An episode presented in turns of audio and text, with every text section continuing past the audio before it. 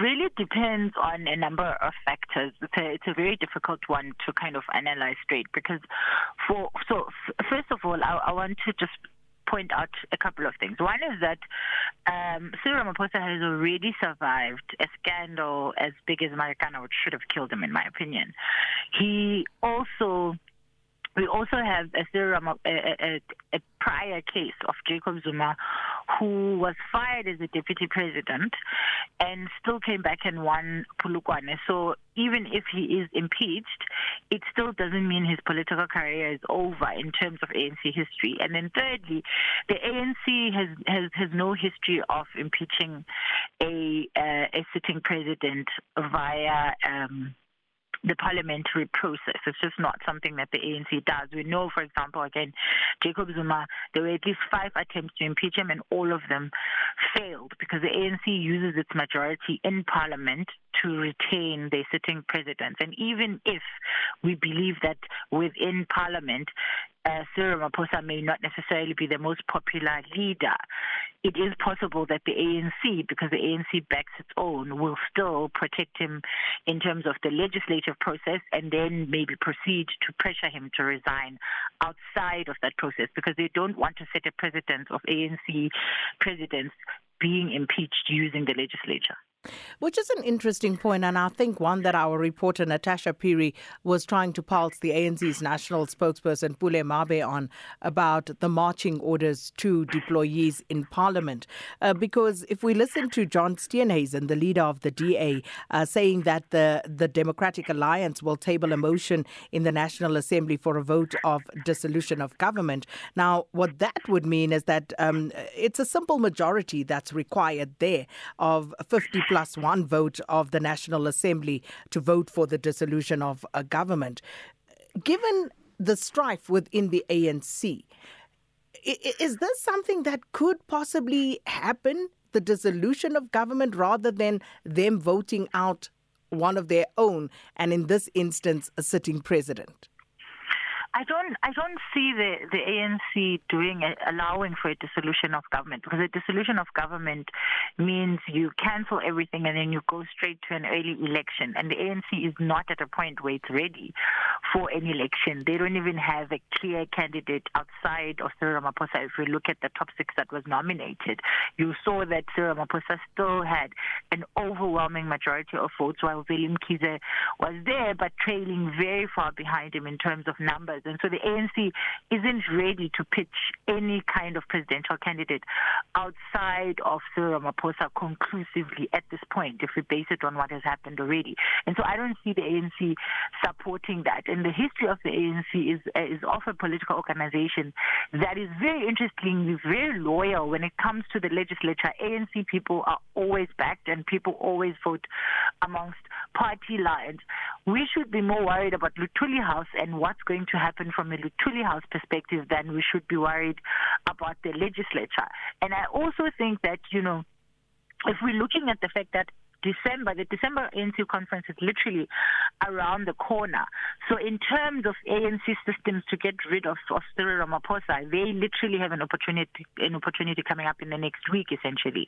And so, they don't have to do anything to remove Cyril Ramaphosa in Parliament or to remove Cyril Ramaphosa even outside of Parliament. I see this more as kind of the politicking and the politicking in the run up to the December conference. You know that, uh, you know, the last conference, we were all plot twisted with David Mabuza, who previously was of the Zuma faction, moving over to President Cyril Ramaphosa's uh, faction.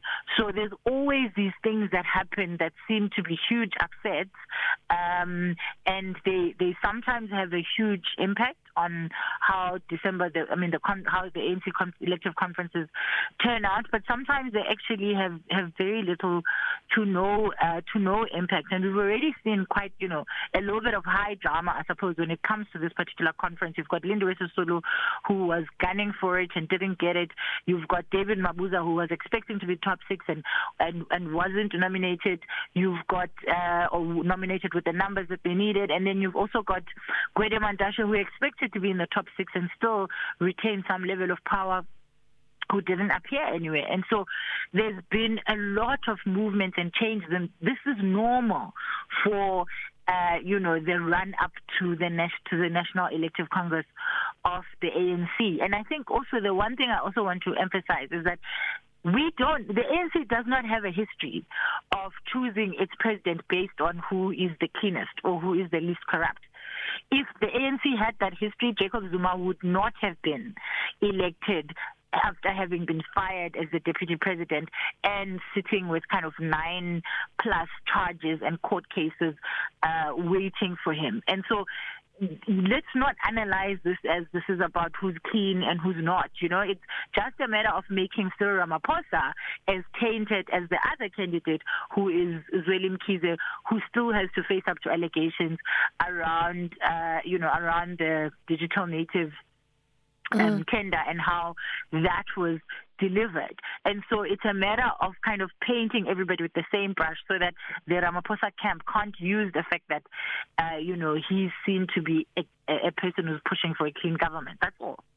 And just finally, Asanda, uh, so you said, you know, we should be focusing on Luthuli House at this point, but uh, this particular report, um, what are the repercussions hereof for the ANC, the party that Ramaphosa represents?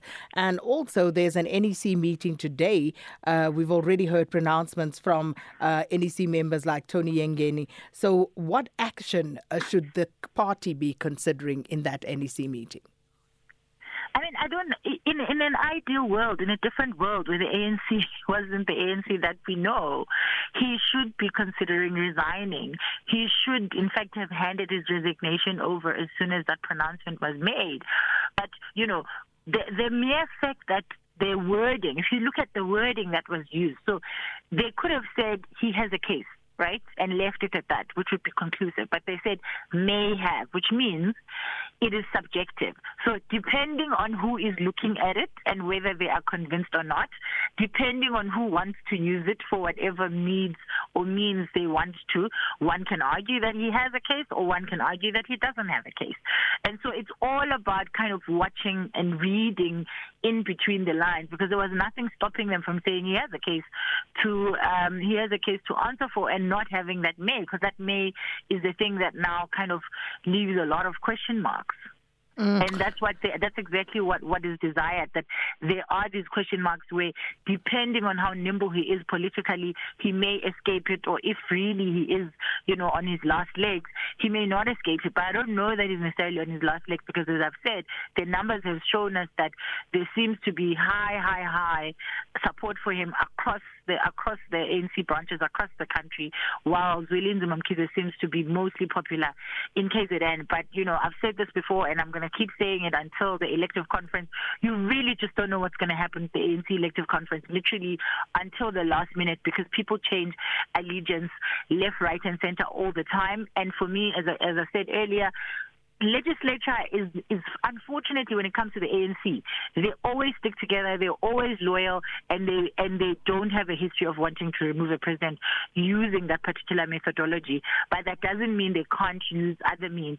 But it's too close to them to the elective conference potentially for them to make any major moves. And so I'm not expecting any major moves, but this definitely is going to have an impact on uh, Cyril Ramaphosa going into the National Elective Conference, the biggest battle of his life right now. Uh, Sanda Sheng, thanks so much for speaking to us, political analysts there, uh, just analysing some of these developments and a bit of our views as well on it.